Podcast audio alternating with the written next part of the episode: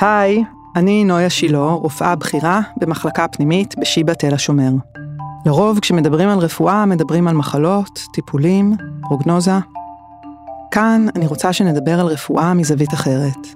אני רוצה שנדבר על להיות איש רפואה. על ההתמודדויות שלנו עד רגעי הקצה. על איך מקבלים החלטות ואיך ממשיכים מטעויות, וגם על התרוממות הרוח, החיבור האנושי, רגעי האושר והחסד. בכל פעם אהיה כאן ואיתי אורחת או אורח שמתחברים לעולם הרפואה בדרך ייחודית ויוצאת דופן. נשאל ביחד מיהו איש הרפואה, מהי העשייה המרפאת. איך אפשר למצוא רפואה גם ברגעים קשים, ואולי בהם יותר מכל. איך התפקיד מגדיר אותנו ובמה הוא מרחיב ומשחרר. באיזה דרכים אנחנו משפיעים על האנשים שאנחנו מטפלים בהם, ואיך הרפואה משנה אותנו, העוסקים בה. אני מזמינה אתכם להמשיך איתנו במסע, לנסות להבין ממה עשויה הרפואה, מה הליבה שלה. זוהי הרפואה מבפנים. והיום האורחת שלי היא פרופסור עמיה ליבליך, פסיכולוגית וסופרת. בין ספרייך, רק חיבוק וקפה מוות. שלום עמיה. שלום, שלום. תודה שבאת. בבקשה. הגעתי אלייך דרך הספר שלך, קפה מוות, שקראתי לאחרונה והתחברתי אליו עמוקות.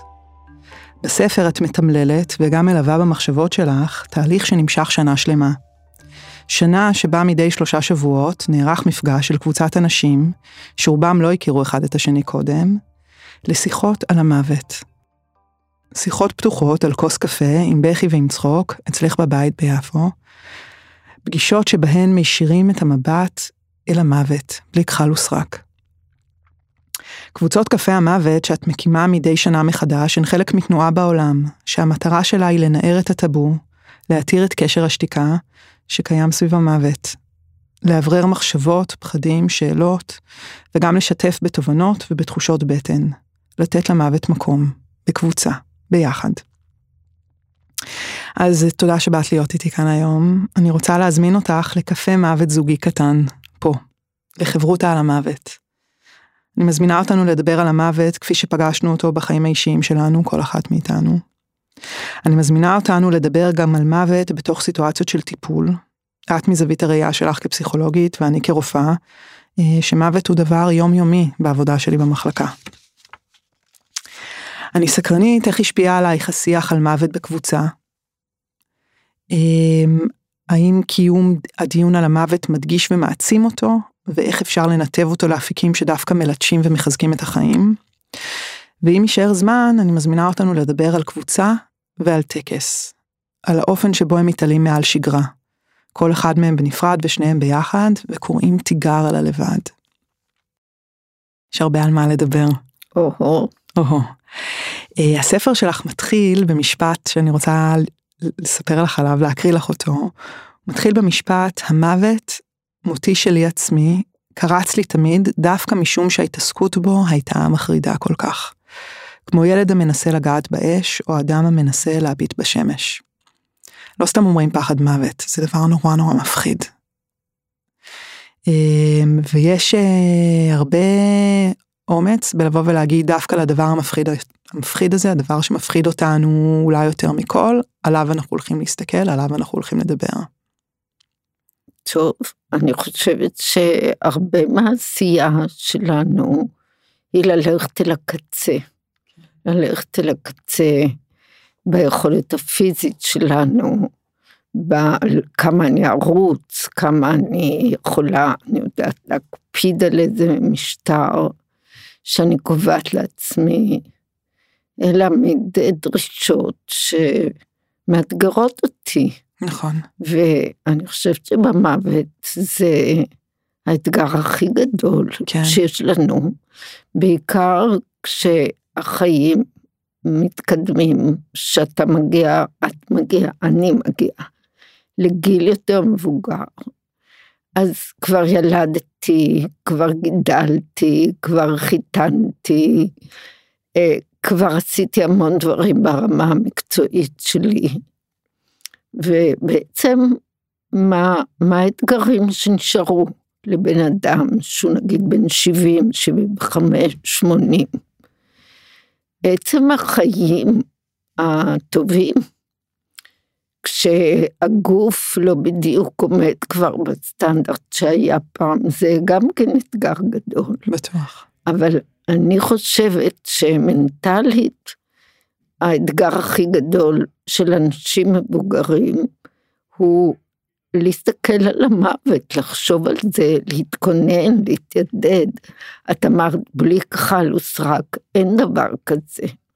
אולי אתם הרופאים, יש לכם לפחות את ההתנסות עם הגוף המת. נכון. לנו אין את זה כבני אדם רגילים, שאנחנו לא בבית חולים. אולי ראיתי גבייה אחת בחיים שלי. וגם כל הנושא הזה הוא, הוא מצריך אה, החלטה להתעסק איתו. אז אני חושבת שזה חלק מה, נגיד, הטבע שלי ושל הרבה אנשים, לחפש אתגרים, לחפש מה שאמרת קודם, את הפרפרים האלה, מה, איפה אני יכולה לחדש משהו לעצמי, ודרך זה לאנשים אחרים. אז אה, ככה הגעתי, זה באמת אה, תוצאה של קריאה מקרית בכתבה קטנטנה בעיתון יומי, ואני לא בן אדם שקורא עיתונים ברצינות, וזה תפס אותי כמו איזה וו כזה שאת פתאום נאחזת בו, שקראתי שיש דבר כזה שנקרא קפה מוות. ואמרתי לעצמי, אני חייבת את זה, כמו ילד קטן שעומד על יד אה, חלון ראווה ואומר את זה. ובעצם לעצמי, כי, כי אני הבנתי ממך שאת אה, שואלת לא רק איך אני מנחה את זה בתור איזו עבודה, יעני פסיכולוגית או בכלל מקצועית, אלא מה זה עושה לי. אני כבר עשר שנים עושה קבוצות כאלה כל שנה. אני, יש לי חוויות חדשות ואני מרגישה שאני בונה איזה חוסן לקראת המוות שלי. אם אני אעמוד בזה, אפשר כמובן לדעת, אולי אני אתבדה, אבל זה מחזק אותי. אמ, את יודעת, אני חושבת אה, שאולי מה ששונה, מה שמבדיל אנשי רפואה מאנשים שלא עוסקים ברפואה, וגם כן לא כל מי שעוסק ברפואה עוסק במוות, זה שבאמת אני מתחככת במוות ברמה היומיומית כבר הרבה מאוד שנים. זאת אומרת, אני, את מספרת על עצמך שאולי ראית גופה אחת כל החיים, אני בתוך המוות הרבה מאוד, גם אנשים שהם לקראת מוות, גם אנשים שממש מתים, מתים בידיים שלי לפעמים. ואני חושבת שמשהו שהוא מאוד אה, מאפיין את המוות, זה שהוא נורא נורא מוזר. מוות זה משהו שנשאר נורא מוזר תמיד. היה בן אדם, הוא היה פה איתנו לפני רגע, פתאום הוא כבר לא פה, הגוף ניטל ממנו משהו, הוא, הוא הופך להיות אה, ממשהו חי לחפץ, אה, כמעט למשהו דומם. מה קרה פה? מה זה היה הדבר הזה? לאן הלך הבן אדם? מה קרה פה? מוות זה נשאר דבר נורא נורא מוזר, ואת אפילו מצטטת מתוך קינת דוד. כותבת בספר שלך, מצטטת את uh, קינת דוד במלואה, והסוף שלה זה איך נפלו גיבורים בתוך המלחמה. יונתן במותך החלל, צר לי עליך אחי יונתן, נעמת לי מאוד. נפלאתה לי אהבתך מאהבת נשים, איך נפלו גיבורים. ועבדו כלי מלחמה, איך, איך, כל פעם זה מופיע שם בקינת דוד, הדבר המוזר הזה. וגם את כתבת בספר, מה שבולט בעיניי בקינת דוד הוא התמיהה הזאת. איך יכול להיות שמת? השילוב הזה, שזה הדבר הכי טבעי וגם הכי מפתיע.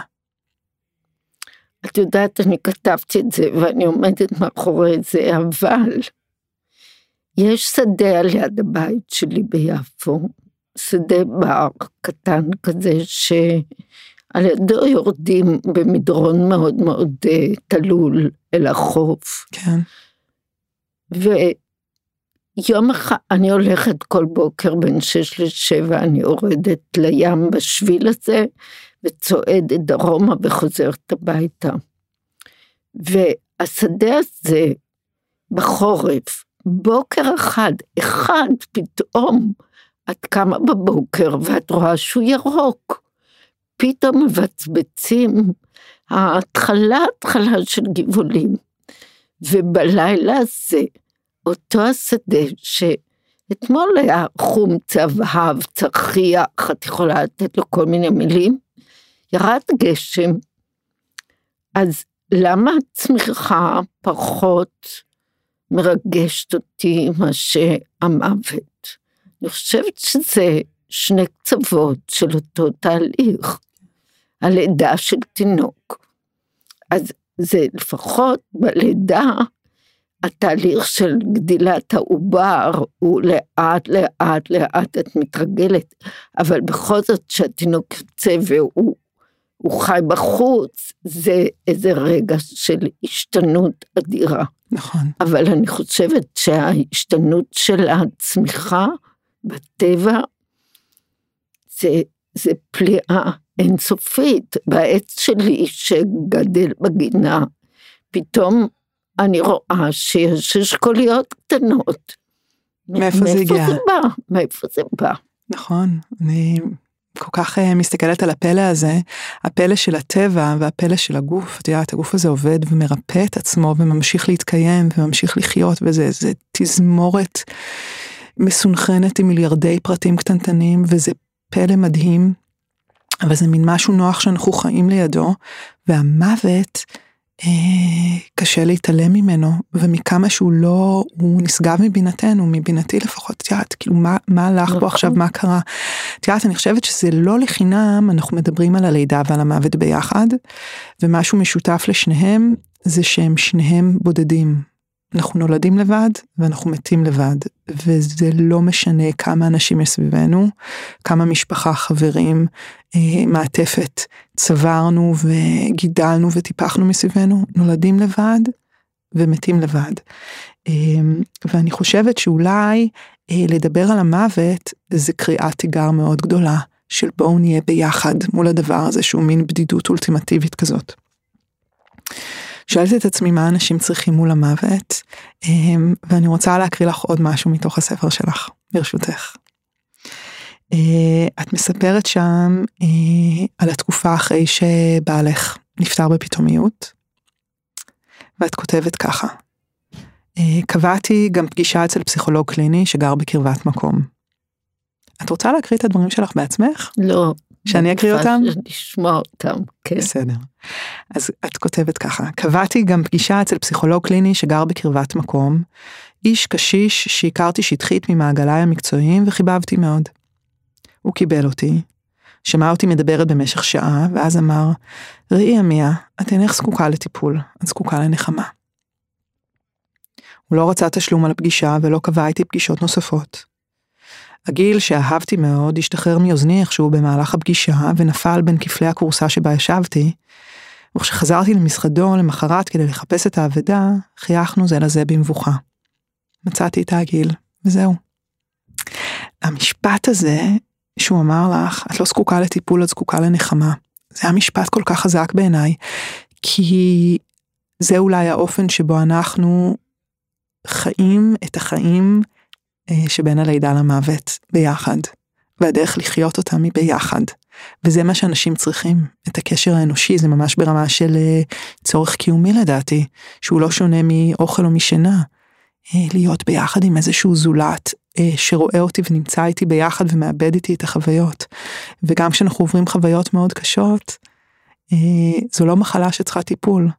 זה כן. מצב אנושי שמבקש נחמה. אני חושבת שהקטע הזה מדבר על ההתמקצעות שלנו בטיפול בבני אדם, מעבר למה שבאמת כנראה הכרחי. הילד שלך לא ישן, אז את הולכת למטפלת צינוקות בשינה, או כן. איך שהן קוראות לעצמם, יועצת שינה. יועצות שינה, כן. כן. אתה לאט לאט מוכן לוותר על כל מיני פונקציות שאתה קורא עליהן בגוגל קודם כל, ואחר כך ממציא לך איזה מומחה שאתה שואל אותו, מוכן לשלם הרבה כסף. והאמת היא שאנחנו מצוידים, אני חושבת, גם באופן פיזי וגם באופן מנטלי, להתמודד עם מגוון עצום של תופעות, ולא הכל מסתדר, ולא הכל בלי תסכולים. נכון. אז אבל וכאב אחרי מוות זה, זה דבר הכי טבעי בעולם. וללכת לפסיכולוג בשביל שיעזור לי בזה, זה לדעתי מיותר. אני מסכימה. אותו דבר גם הייתה החוויה הזאת עם דוקטור דסבר, קראו לו, הוא היה באמת איש, איש חם וטוב, והאמירה הזאת נשארה איתי כל החיים, ואני אני חושבת שקפה מוות הוא סוג של מקום שאנחנו בסך הכל בתור בני אדם, אין מנחה בקפה מוות שלי. כן. אני לא יודעת, כל אחד עושה את זה, יש היום המון המון עיסוק כזה בארץ גם בעולם, אבל אצלי אין מנחה, אלא יש רוטציה, כל פעם מישהו אחר אחראי על הפגישה, והמסר הוא שאנחנו לא נהפוך לבעלי מקצוע לטפל בזה. אז אני אומרת את זה, ואני חושבת שזה בהחלט האני מאמין שלי. יחד עם זה, כמו לכל דבר, בין בני אדם שיש לו יוצאים מהכלל, המקצוע הזה של מלווה רוחני, וחלק מהאנשים שאני מכירה, כי הם באים אליי לקפה מוות, עושים אותו בכזאת רגישות, ולזה אני, אני לא לועגת כמו למומחה לשינה, או מומחה לאכילה. אני חושבת שבאמת, יש משפחות, יש אנשים בודדים ראשית כל, ויש משפחות שלא יכולות לעמוד בזה, שאין להם כוחות, שאין להם אומץ, שהם סוחבים כל מיני בעיות שמפריעות להם. אז טוב שיש לפחות אשת מקצוע כזאת שבאה ויושבת על יד החולה הסופני ו- ועוזרת גם לבני המשפחה נכון. שלו. אז אנחנו עושים את זה בעצם בלי שאנחנו סופניים כרגע, לפחות לא יודעים ש... כן. וגם באמת אה, אומרים אה, שהדבר הכי נכון, או אולי לא הדבר הכי נכון, אבל שמה שאנחנו רוצים או מבקשים או מחפשים, זה לעבור את החוויה הזאת ביחד, אה, לדבר על הדברים האלה ביחד, לשמוע מה חושב הבן אדם שלידי, ומה הוא מרגיש, ומה הוא חווה, ומה הניסיון שלו, ואיך אני יכולה ללמוד מזה גם, ולשתף בשלי. תראי, זה נורא קל להגיד וקשה לעשות. כן. גם להגיד זה לא כל כך קל. אפילו אחרי שכתבתי את אה, קפה מוות. הייתי כבר בקבוצה השביעית או השמינית שלי. אז חברה שלי שמבוגרת ממני אה, עברה שבר בירך, או איך שקוראים לזה, ושכבה בבית חולים איזה שבועיים ועוד איזה חודש בבית, עד שהיא שוב התחילה ללכת. ואז נפגשנו. וישבנו במסעדה טובה והיא אומרת לי ככה, את יודעת עמיה, יש סטטיסטיקה שאחרי שהחלפת מפרק ירך, אה, זה מעלה בהרבה הרבה את הסבירות שהאישה הזאת תמות תוך השנה הראשונה מהניתוח הזה. כן. יש סטטיסטיקה כזאת. ואני טיפשה שכמותי, יושבת עם המנה הראשונה המפונפנת הזאת, ואני אומרת, מה פתאום, באמת, את כל כך חזקה, ואת כל כך שפויה, ויש לך חברים, ויש לך חיים טובים, אל תחשבי על זה. כן. ותוך כדי שאני בטרנד הזה, אז יש לי את כל הפנימי, מיה, מה קרה לך? איך את, למה את לא אומרת לה? נגיד קוראים לה רותי, אני לא אגיד את שמה, אישה מאוד ידועה. אני לא אגיד, אני אגיד, למה לא אמרתי, רותי, את רוצה לדבר איתי על המוות? כן, את רוצה לדבר איתי על הפחד שלך ממוות? כן, לא, לא בא לי. כן. בא לי ההכחשות האלה וההבטחות האלה שהכל יהיה ורוד. כן, הכחל, זה ה- זה הכחל. הטבעי, זה הטבעי. כן. בתרבות המערבית. אני רוצה להגיד, אולי זה לא הטבעי, זה המיידי, זה האוטומט, נכון. זה הרפלקס. אבל השאלה אם זה נכון בכל התרבויות, Mm, שאלה או טובה. שהתרבות שלנו במיוחד, עם הניסיון הזה להרחיק את המוות ולייפות את המוות, היא הפחיתה את המקומות, את המרחב שבו אפשר לדבר על זה. נכון, נכון, אני נוכחת, לא פעם אני ניגשת לאנשים ואני מבקשת מהם לתכנן ביחד מה שאנחנו קוראים לו הנחיות מקדימות. אם יש כן. בן אדם שקרוב למותו או לא קרוב למותו, אה, אבל אני חושבת שמצבו עלול להידרדר, אה, אני רוצה שנדבר ביחד ונתכנן תוכנית על מה נעשה אם חלילה מצבו יחמיר. עכשיו התוכנית הזאת היא לא מחייבת בשום צורה, אפשר לשנות אותה, אבל אנחנו מתעדים אותה בתיק, וככה, בתיק הרפואי, וככה כל הצוות בעצם מודע לתוכנית הזאת, וזה שיחות מאוד מעניינות.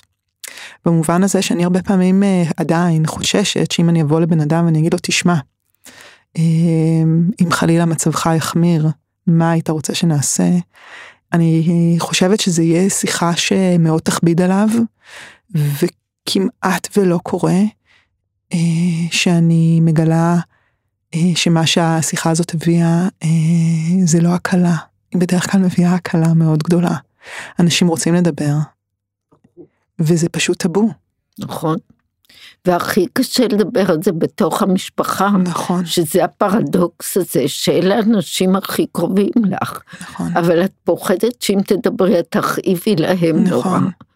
ואז יש כזה, זה היה עם הסיפור של דור שני לשואה, כן, שההשתקה הגדולה שלהם הייתה אמנם, אני חושבת, הסיבה הראשונה, כי אנחנו לא רצינו לשמוע, אבל הם גם במשפחה השתיקו את זה כדי לא להפחיד יותר מדי כן, את הילדים שלהם ולא לגרום להם סבל וחס וחלילה ליצור טראומה לכל החיים, אז לא נגיד. אז בצורה הזאת יש בתוך משפחות אה, מנגנוני הגנה קולקטיביים כאלה. ההורים לא רוצים להגיד, הילדים לא רוצים לשמוע. כן, כן. את יודעת, אני חושבת, אמ, אם אני מנסה לחשוב על מה יכולות להיות אה, מטרות של קפה מוות כזה, זאת אומרת, מה אנחנו רוצים להרוויח ממנו, מה אנחנו רוצים אה, להשיג באמצעותו. אמ, אז אני חושבת שזה באמת, בעיניי, אה, להגיד, ניתן למוות מקום, ניתן לו להיות נוכח, לטובת איזשהו שינוי שהוא יעשה בחיים. הוא ישנה את החיים, הוא יהווה איזשהו זרז להתפתחות.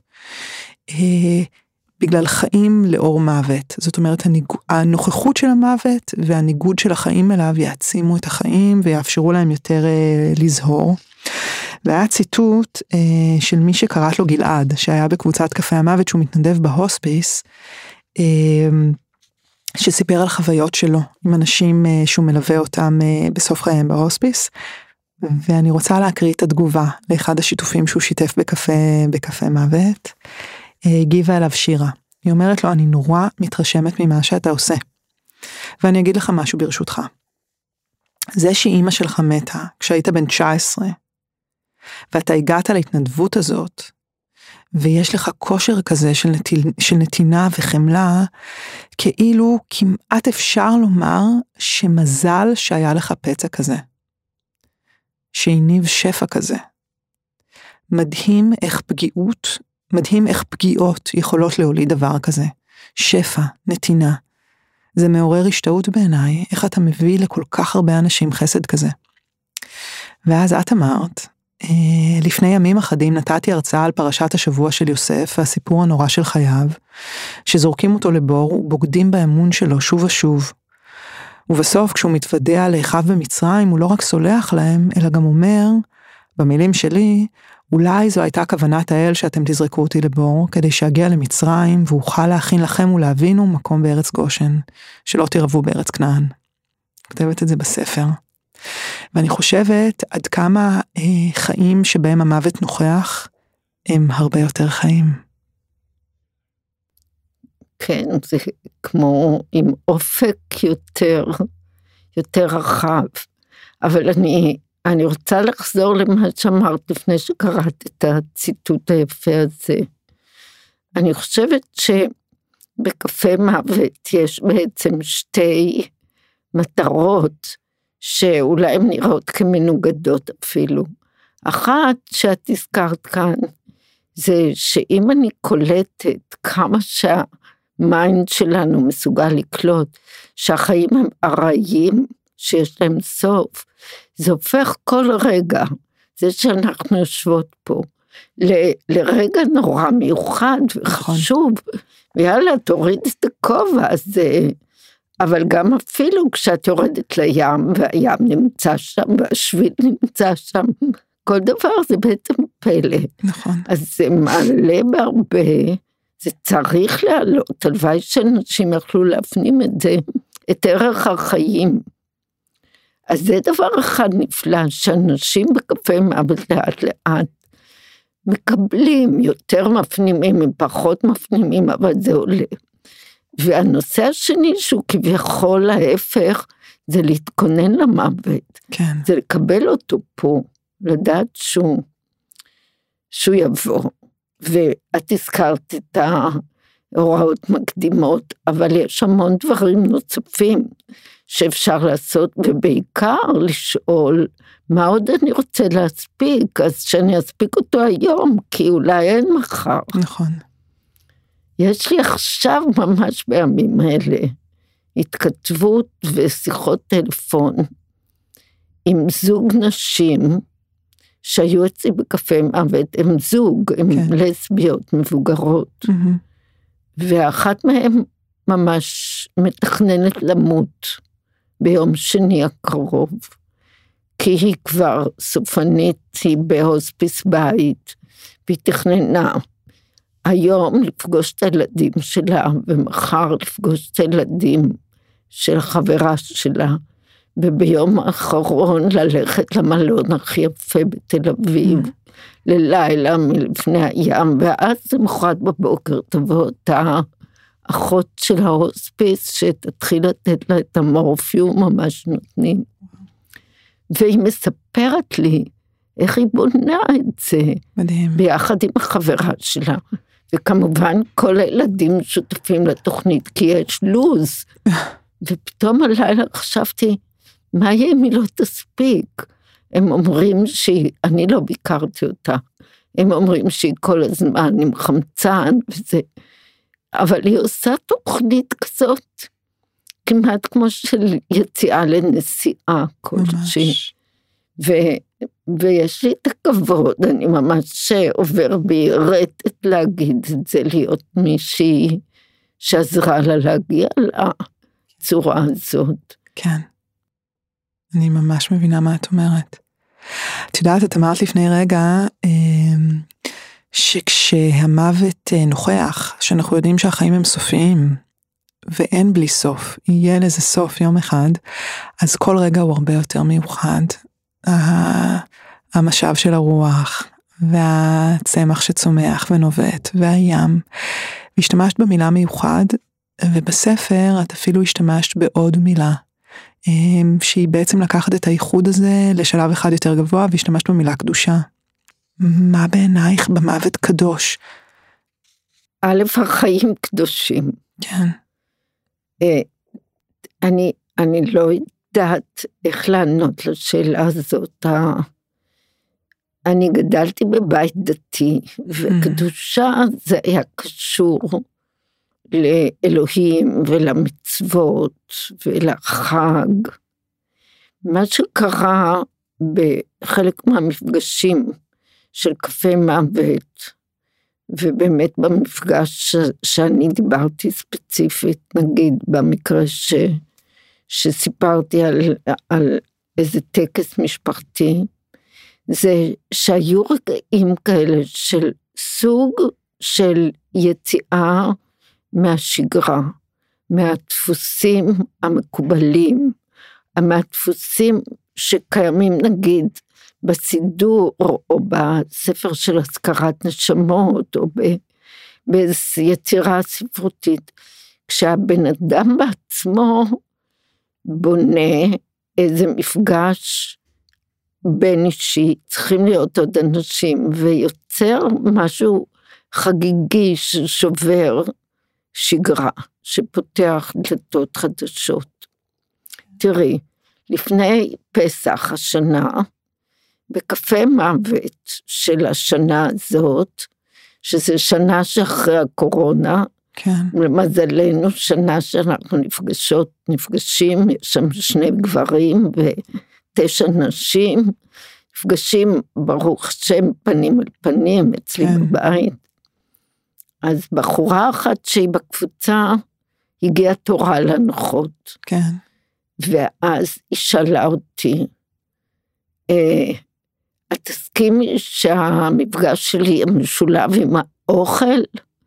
כי אצלי בדרך כלל יש כמה כללים מאוד נזיריים. בואו לא נהפוך את זה, אני הייתי בזיכרון בסלון כן. לפני שנתיים, לפני הקורונה, שזה היה כמו מסיבת קוקטייל. נכנסו והיו משקאות ומלא סלטים, אני סולדת מזה, מהאכילה הזאת בכל מצב. בקיצור, היא שאלה אותי, את תסכימי שיהיה עם אוכל? ואמרתי, אם את מקשרת את זה לקפה מוות, אז כן, אז בואי נדבר על זה לפני כן, תגבשי את הרעיון שלך. והיא עשתה ליל סדר שמוקדש למוות. וואו. והיא הכינה חוברת כל אחד עם, עם הדברים שהיא רצתה שנגיד, שהיא לקחה ממפגשים קודמים שכבר היו עד פסח, והבאנו אוכל, והיא ביקשה שכולנו נלבש בגדים לבנים, והיא באה בצהריים כבר, וערכה אצלי שולחן עם מפה לבנה ועם כלים, ו... והיא בנתה טקס לגמרי לגמרי מקורי משלה, שכן נשען על הרעיון של ליל הסדר. וזאת הייתה פשוט חוויה מטורפת, היא העלתה את כולנו לקומה השנייה, נתנה לכל אחד נר בוער ביד, וביקשה שנרד אחד אחד את המדרגות ונתיישב בלי לדבר. אז ממש יש... משהו תיאטרלי. כן, זה היה תיאטרלי, זה היה קצת אה, הפקה. אבל הייתה קדושה גם שם, הקדושה היא אולי לפעמים בזה שזה מיוחד. שזה בלתי צפוי. אני קושרת אה, את המילים טקס וקדושה ביחד, אה, ואת יודעת, גם המילה קפה, הקונספט של קפה, יש בו טקסיות, הרי נכון? נכון. את הטקס של ה... נכון. אני, לכל אחד יש את הטקס של הקפה שלו, מתי הוא שותה אותו, איפה, זה כאילו מין דרך לעשות הפסקה מתוך העשייה היומיומית, נכון? אני עכשיו אשתה את הקפה שלי. כן. ואני אלך להכין לעצמי אותו ואני אשתה כן. אותו. אה, ואני חושבת שבאמת טקסים, בין אם הם טקסים שמוכתבים לנו מתוך איזושהי מסורת או דת, ובין אם זה באמת טקסים אה, שאנחנו מייצרים אותם ביום יום, קטנים ככל שאפשר, אה, כמו להכין כוס קפה, זה באמת דרך להתנתק טיפה מתוך העשייה והרחש, בחש. לעצור את הזמן. בדיוק, לעצור את הזמן. וכשעוצרים את הזמן משהו מתקדש בו, הוא כן. הופך להיות, את יודעת, מחול שזולג בין האצבעות לקודש. זה ראשית כל ניצחון אנושי ענק. לעצור את הזמן? הזמן נכון. הוא הולך זה לנצח חוק טבע. כן, אתה לאיזה רגע יוצא ממחזור הזמן הזה שהוא מתקתק כל הזמן. אז uh, אני חושבת שזה חלק מהקדושה כשעוצרים את הזמן. כן. אנתרופולוגים מדברים על זה, שזה, הם קוראים לזה מצב לימינלי, שאתה על גבול, אתה לא פה ולא שם, ואז מותר לך לעשות כל מיני דברים שהם לא רגילים בשבילך.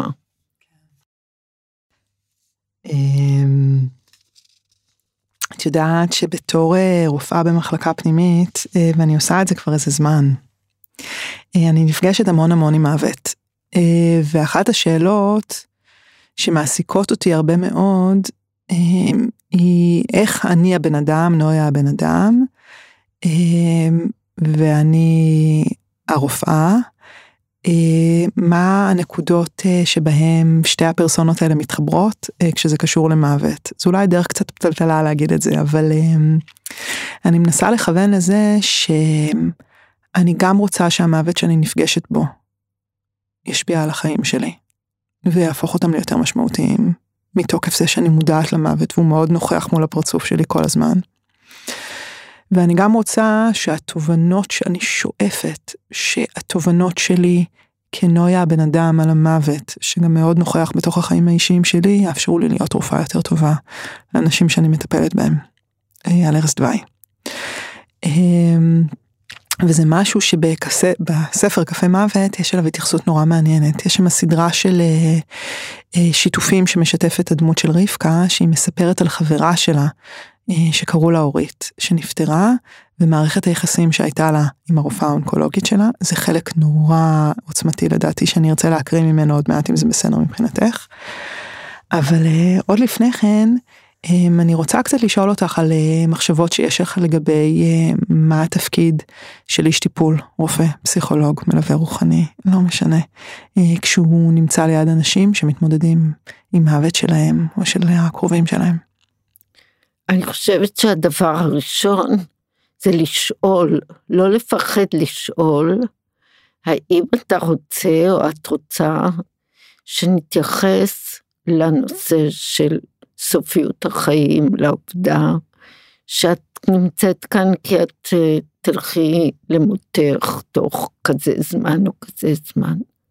זאת אומרת, הפתיחה הזאת של להעלות את הנושא בצורה לא מחייבת, והבן אדם יכול להגיד לא, אני מודה לך מאוד, אבל בבקשה לא, אני מעדיף, זה יבוא, יבוא, אני מעדיף אה, לחיות את הזמן שנותר לי בלי לחשוב על זה. יש בספר קפה מוות אישה אחת, אני לא זוכרת את השמות הבדויים שלהם, אבל שמספרת, תוך כדי אותה שנה, אביה חלה בסרטן של הלבלב. כן. והיא מלווה אותו, כן, הוא כן. מת בשנה שאחרי זה, אבל mm. היא מספרת שיום אחד היא נוסעת איתו במכונית לטיפול הקימי שלו, והיא בדרך פותחת ככה באוטו, והיא אומרת, תגיד אבא, היית רוצה שנדבר על המוות שלך? אז הוא אומר לה, קודם אני אבריא ואחר כך נדבר על המוות. לכי תזמין אינסטלטור. הוא מדבר על העניינים האלה. אז אני חושבת שיש אנשים שלא רוצים, אז דבר ראשון שכולנו במקצועות האלה שסביב הטיפוליים, מה שאת קוראת, צריכים לכבד את זה שזאת בחירה של הבן אדם. וכמו שכשהספר שלי, קפה מוות, יצא בהתחלה, וצחקנו שאנשים פוחדים לקחת אותו בחנות ספרים, שהם כן. רואים את השם ואת הציור, אז מישהי אמרה לי, מספיק לך אם 25% מהקוראים ייקחו אותו, כי זה בערך הפרופורציה. זה נתקע לי בראש, כאילו, אם יש עשרה אנשים, שניים וחצי אולי באמת רוצים לדבר, אפילו משתוקקים לדבר. נכון. והאחרים אומרים, עזבי אותי, אני, מה זה יועיל שאני אדבר וכולי. אז אני חושבת שהתפקיד שלנו, למרות המבוכה, זה לפתוח את הנושא. ואז לפי מה שהבן אדם רוצה ומה שהוא צריך. יש אנשים שזה בשבילם עניין דתי. אה, חברה שלי שהיא מלווה רוחנית בחיפה הוציאה חוברת בערבית עם קטעים מהקוראן ומכל מיני שירה סופית בשביל לשבת עם חולה מוסלמי ולעזור לו להביא טקסטים תרבותיים מהתרבות שלו. כן. אז אפשר, לפי החולה או האדם ומה שהוא צריך להתאים לו את הצורה, אם זה לבד, או אם זה עם המשפחה, או אם זה... אני מאוד מסכימה איתך, את יודעת, אני מסכימה איתך, את מדברת על הסטטיסטיקה של 25 אחוז, נגיד אה, מעט אנשים, שניים וחצי אנשים מתוך עשרה ירצו לדבר על המוות והשאר יגידו די תניחי לי תעזבי אותי. כנראה שזה נתון שהוא די נכון אה, אינטואיטיבית בתוך שגרת החיים. כשאני רואה אנשים ממש לקראת אה, הסוף שלהם, או כשיש משהו שממש מאיים על החיים שלהם, או שהמוות כבר אי אפשר להתעלם ממנו, אני מוצאת שהאחוזים האלה עולים הרבה יותר.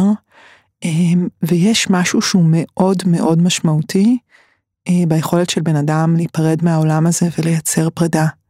וזה לא צריך להיות, את יודעת, מין תהליך סדור כזה של אה, עם לוז, כמו שאמרת, אלא זה יכול להיות משהו ממש של רגעים, והוא מאוד מאוד משמעותי, גם מבחינת הבן אדם עצמו, אני רוצה להאמין לפי האופן שבו הוא נפרד מהעולם, ואת רואה על הפנים שלו איך הוא נראה כשהוא נפרד מהעולם, ולא פחות מזה ואפילו הרבה יותר אה, בשביל האנשים שנשארים אחריו.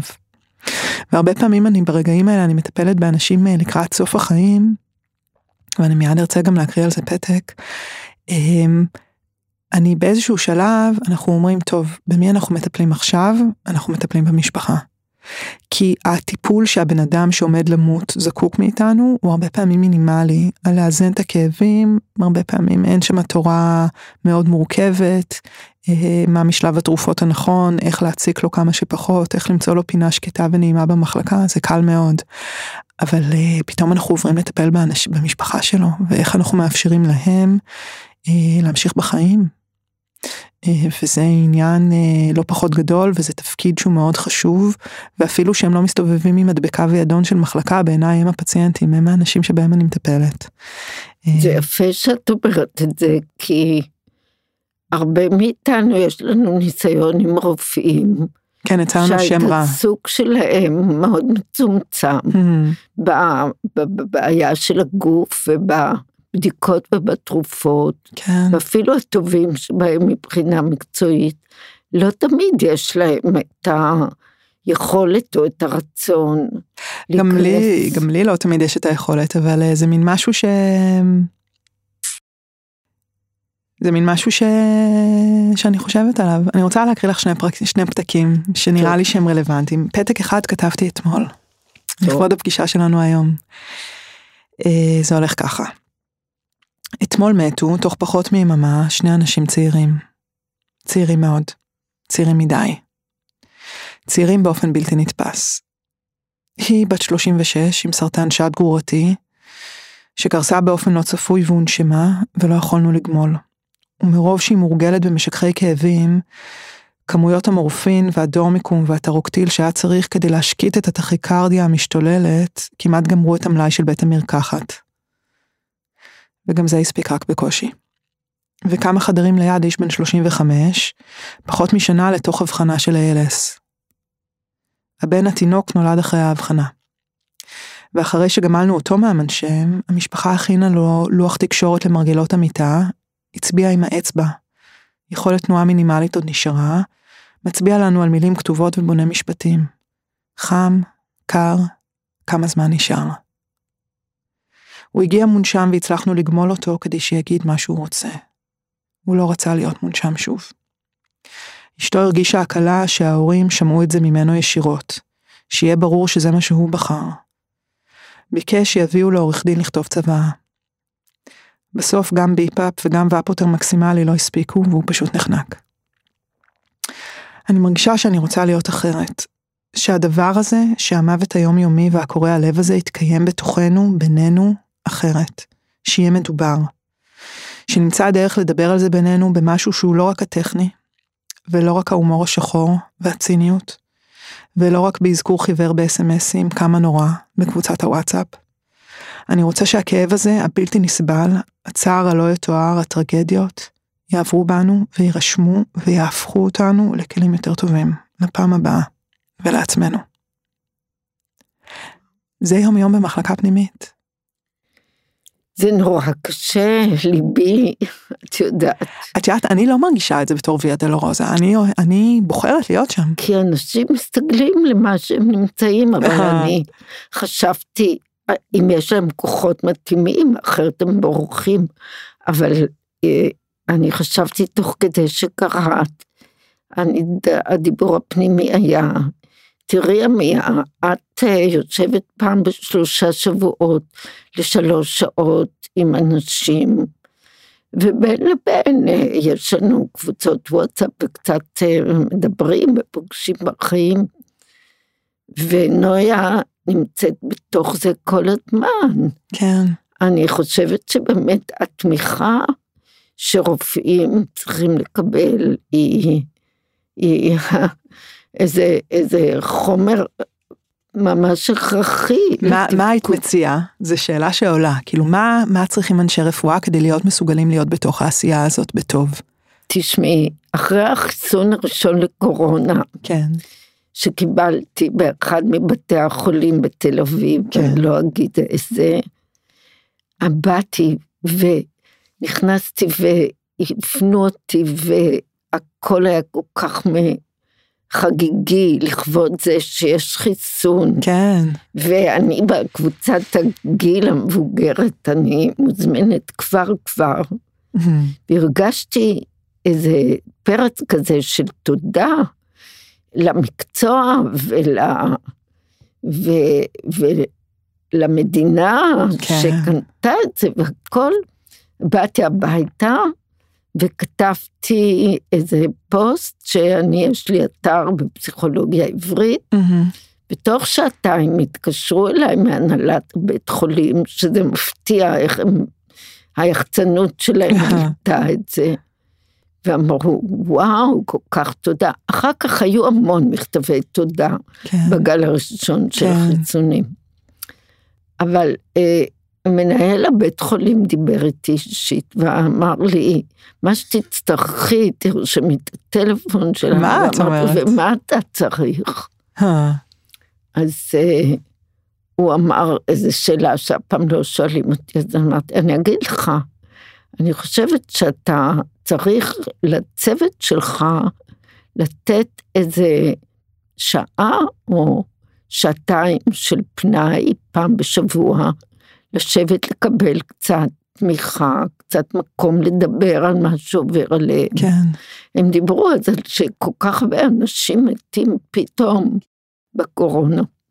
הוא אמר, כן, כן, את צודקת, אני אחשוב על זה. Hmm. ואחרי כמה ימים שהוא לא התקדם, ואמרתי, אני אעשה את זה בהתנדבות. וואו. בית חולים אחד, לא, לא ידעתי, אחיות, משהו. כן.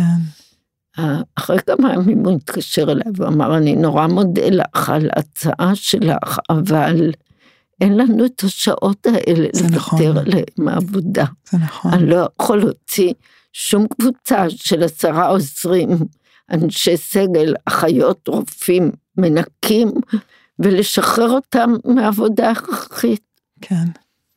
טוב, אה, אני הרגשתי ש... עשיתי מה שיכולתי להציע, כן. בכוחותיי המועטים וכולי, אבל פתאום קלטתי איך אנשים עובדים בלי חמצן, אה, איך אפשר, איך אני, אפשר. אז קודם כל אני רוצה, לפני שאני אגיד לך את, אה, אני אענה לך איך זה בשבילי, בעיניי עצם זה שהיית מסוגלת להיכנס לבית חולים ולהגיד, אה, כמה מדהים הדבר הזה שהאופרציה קיימת, ושהמדינה קנתה חיסונים, ושהעולם פיתח את החיסונים האלה, ושיש לנו כלי להתמודד עם הדבר הזה, ולבוא לכל הסיטואציה הזאת שהיא גם הייתה מאוד מפחידה, אה, בגישה של הכרת הטוב והכרת תודה, אה, אני קושרת ישירות בין זה לבין העיסוק שלך במוות. כי את מאוד מודעת לחיים, ואת ניגשת לחיים ואת מסתכלת על מה שיש. אז זה דבר אחד, אובזרבציה אחת שככה עלתה לי למחשבה כשדיברת. אמ, אני יכולה להגיד לך שזה אמ, מאוד תלוי בזווית ההסתכלות. אני בתוך מחלקה פנימית הרבה שנים כבר, אה, באופן יחסי. ואני מוצאת שהעיסוק הזה במוות ובמחלה הוא קודם כל לא כל מה שאנחנו עושים, יש גם הרבה שמחה והרבה הצלחות והרבה שיפור והרבה דברים כאלה. אני מוצאת שאני, הזכות הגדולה שלי שאני כל הזמן מסתובבת במעגלים של משמעות. ואז הבחירה שלי היא איך אני מרימה את עצמי בזכות הדבר הזה, ולא איך אני נותנת לדברים הקשים להוריד אותי. זה שיעור שאני לומדת אותו כל הזמן. דרך... אבל הנה את כותבת את הפתקים כן. האלה. זה למשל אה, סוג של אה, התבוננות, רגע, עצירה, כן. ו- ובאמת מאפשר לגדול מתוך הניסיון. כן, את יודעת, אני כותבת את הפתקים האלה על דברים שלא רציתי לשכוח, כי הסיטואציות הן נורא מהירות, ואנשים נעלמים, ואז הזיכרון הופך להיות מין בליל כזה של מישמע של הכל ביחד, וצבעים אה, מאוד, אה, את יודעת, מאוד מטושטשים של התמונה, ואני רציתי לזכור אותה בחדות. ככה אני כותבת את הפתקים האלה, כדי לא לשכוח. אני חושבת שאחד הדברים שאני הכי מכירה תודה עליהם, זה שאני רואה אנשים מתים בכל מיני. דרכים, וזו אולי ההכנה שלי למוות שלי בבוא היום. אני רוצה להקריא לך על, על עוד פתק, אם תסכימי. איפה הוא מתחבא? אה, הנה, אה, מיטה מול מיטה במוגבר, זה היה לפני כמעט שנה. מיטה מול מיטה במוגבר, באלכסון מתון, אבל הכל חשוף וגלוי ומאפשר קשר עין. מזמין השוואה.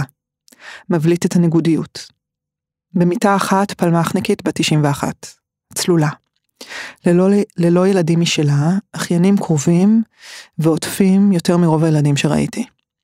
באה למיון אחרי הרבה שכנועים על זיהום בנאלי בדרכי השתן, אבל למעשה מדולדלת מאוד ועם מעט רזרבה, ואנחנו מנסים לברר בעדינות למה. מגלים גידול גניקולוגי שהתקדם והתפשט וכילה כמעט את הכל. ממששים אותו כשרק מניחים יד על הבטן, המערכת שבגדה בה עם הפלה אחרי הפלה לפני כל כך הרבה שנים, התעוררה לתת את המכה האחרונה. ואולי בעצם זה פיצוי. זו גאולה נטולת סבל כמעט לגמרי. עם צלילות ובבית כמעט עד הרגע האחרון. כשאני מספרת לה מה גילינו באולטרסאונד, היא עונה לי, ככה זה בגילי. קצר, חד. לא מעוניינת בשום טיפול עודף ומיותר שלרפואה יש להציע, מתוך הסתכלות על המחלה בלי לקחת בחשבון את האדם שמסביבה. היא לא צריכה ממני הרבה, לא מבקשת כלום, מבינה הכל. אני משקיעה שעות שאין לי בשיחות עם האחיינים, שבורי הלב. כנראה הם היו בבת עינה של הדודה הזאת, שהיא הייתה עבורם המבוגר שעושה את כל ההבדל. אחת מהם מתוקה במיוחד, בוכה אצלי בחדר. אבא שלהם, אח שלה, שהיה כנראה צעיר ממנה בהרבה, נפטר במפתיע לפני שנתיים. הם מנסים לסמוך עליי, אבל מלאי צלקות וטראומות מהמערכת ומתקשים להתמסר. הדבר האחרון שהפלמחניקית רואה במוגבר, במיטה מולה באלכסון, לפני שאנחנו מעבירים אותה לחדר שקט, שם על המנה ההומאופתית הראשונה של המורפיום היא נרדמת ולא קמה, מה שהיא רואה זו החייאה מטורפת לאישה בת 58. לופוס, איום ונורא, רב שנים, מערב כמעט כל מערכת. משהו משפחתי אולי, כי כל האחים שלה נפטרו בפתאומיות בגיל 50-60. השניים האחרונים לפני כמה חודשים. ככה מספרים לי הילדים, וגם שבימים האחרונים היא מדברת אל המתים, מבקשת שיקחו אותה.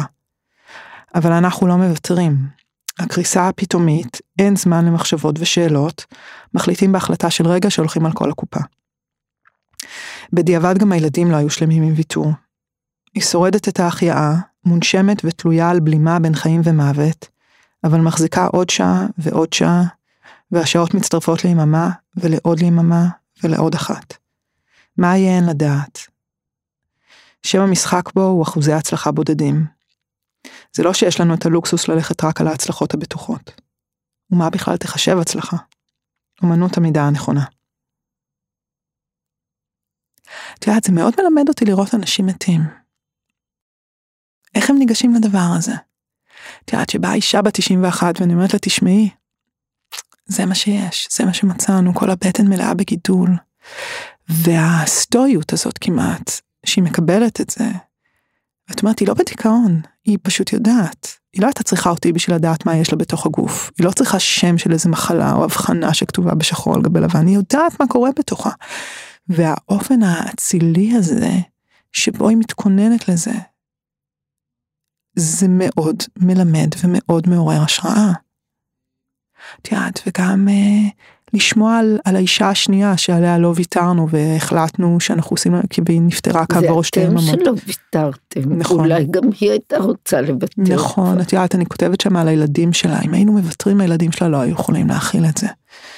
הם היו צריכים, אני משערת, אני, זו הייתה התחושה שלי, שהם היו צריכים לראות שם איזה הירואיקה גדולה, איזה מאמץ, איזה מלחמה, איזה, איזה לא לוותר, איזה קרב בלימה כזה.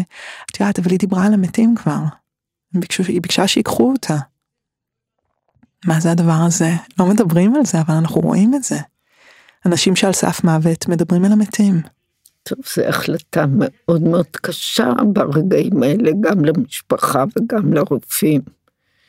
איך אה, באמת מה נכון לעשות. נכון. זאת אומרת, אני הייתי רוצה שיוותרו עליי מהר, אבל אה, יכול להיות שלילדים זה הרבה יותר קשה. נכון. את יודעת, זה גם שונה כשיותר צעירים. אבל זה נהדר שאת כותבת את זה. Hmm. כי א', זה עושה לך... את אומרת את זה כפסיכולוגית או כסופרת? כפסיכולוגית. שאת מרגישה דברים כאלה גדולים ואת אה, שומרת אותם. זה, זה בונה אותך, כן. גם בונה אותך וגם משחרר אותך מ... מהכובד של דברים. ממש, את יודעת שבקורונה, סיפרתי על זה כבר כמה פעמים, הפרק הראשון של הפודקאסט הזה, שהעליתי לאוויר, הוא שיחה שעשינו ממש כאן, יעל חביב ואני. יעל חביב היא מנהלת טיפול נמרץ בשיבא. ושתינו היינו ביחד אה, בגל הראשון של הקורונה, בטיפול נמרץ קורונה בשיבא. אה, היא כמובן אה, הרבה בחירה ממני. ודיברנו על מה היה שם, ובקורונה אה, אני החלטתי שאני אכתוב כל יום אני כותבת מדי פעם, נגיד פעם בכמה שבועות, או כשיש איזה מקרה שאני רוצה לתעד, ובקורונה אני כתבתי כל יום יומן עם מלחמה כזה, הייתי כותבת אותו בטלפון שלי, בפתקים כאלה. אמ, וככה אני הייתי מסבירה לעצמי מה שקורה. הייתי קוראת את זה שוב ושוב, כשלא הצלחתי להירדם, וככה הייתי מסבירה לעצמי מה קורה לי, מה עובר עליי. אז אני לא הייתי בשדה הקרב כמוך, אבל בגילי המופלג, כשהתחילה הקורונה, הבן הצעיר שלי אמר, אמא את באה אלינו. Mm. את לא תהיי לבד בבית. יפה. כי דיברו על סגר, ואז לא ידענו בה לפני הסגר הראשון כמה חמור זה הולך להיות. מה, תישארי שם לבד בבית ביפו, ולנו יש שני ילדים קטנים בלי מסגרות. אז עסקה, עובד טוב. בשני הצדדים. אנחנו עושים, נסדר לך חדר בחדר עבודה שלנו. מחר את באה. ואני קיבלתי את זה. כן. אבל גם אני הייתי, ראשית כל לא במקום שלי, וגם אה, מוטרדת מאוד מכל העניין הזה. אז גם לי יש יומן קורונה, mm. כל יום כתבתי. I'll show you mine if you show me yours. אחד הדברים שכתבתי זה על פרח קטן בערב הייתי יוצאת להליכה סביב הבלוק, קצת להזיז את הגוף אחרי שהילדים הלכו לישון, ובתוך המדרכה צמחה איזה מין, כזה פרח צהוב הכי פשוט, אבל. ראית כל יום איך הוא יוצא מהמדרכה, כי את הולכת באותם, באותו המסלול. היו דברים כאלה, והיה פחדים והדאגות. בוודאי. אז כל זה ביחד, אז כן, אני חושבת שמי שיש לו את היכולת לכתוב, זה נורא עוזר בחיים. אני מגלה את זה על עצמי. כתיבה בשביל עצמי מוזרת לי מאוד, ואני גם לפעמים מקריאה את זה לאנשים שאיתי. אני שולחת את זה למתמחים שלי, או שאני מקריאה להם את זה, ולאחיות שאיתנו, ואנחנו מאבדים ככה ביחד את החוויה. נכון. נכון. את יודעת שאני רוצה לסיום ברשותך, לתת דווקא ציטוט על החיים. טוב. יש אה, כותב שאני נורא אוהבת שקוראים לו דן לסרי, מכירה אותו? לא. יש לו כמה ספרים, אה, ואחד מהם זה ספר אה, קטן ומאוד יפה שקוראים לו דברים פשוטים.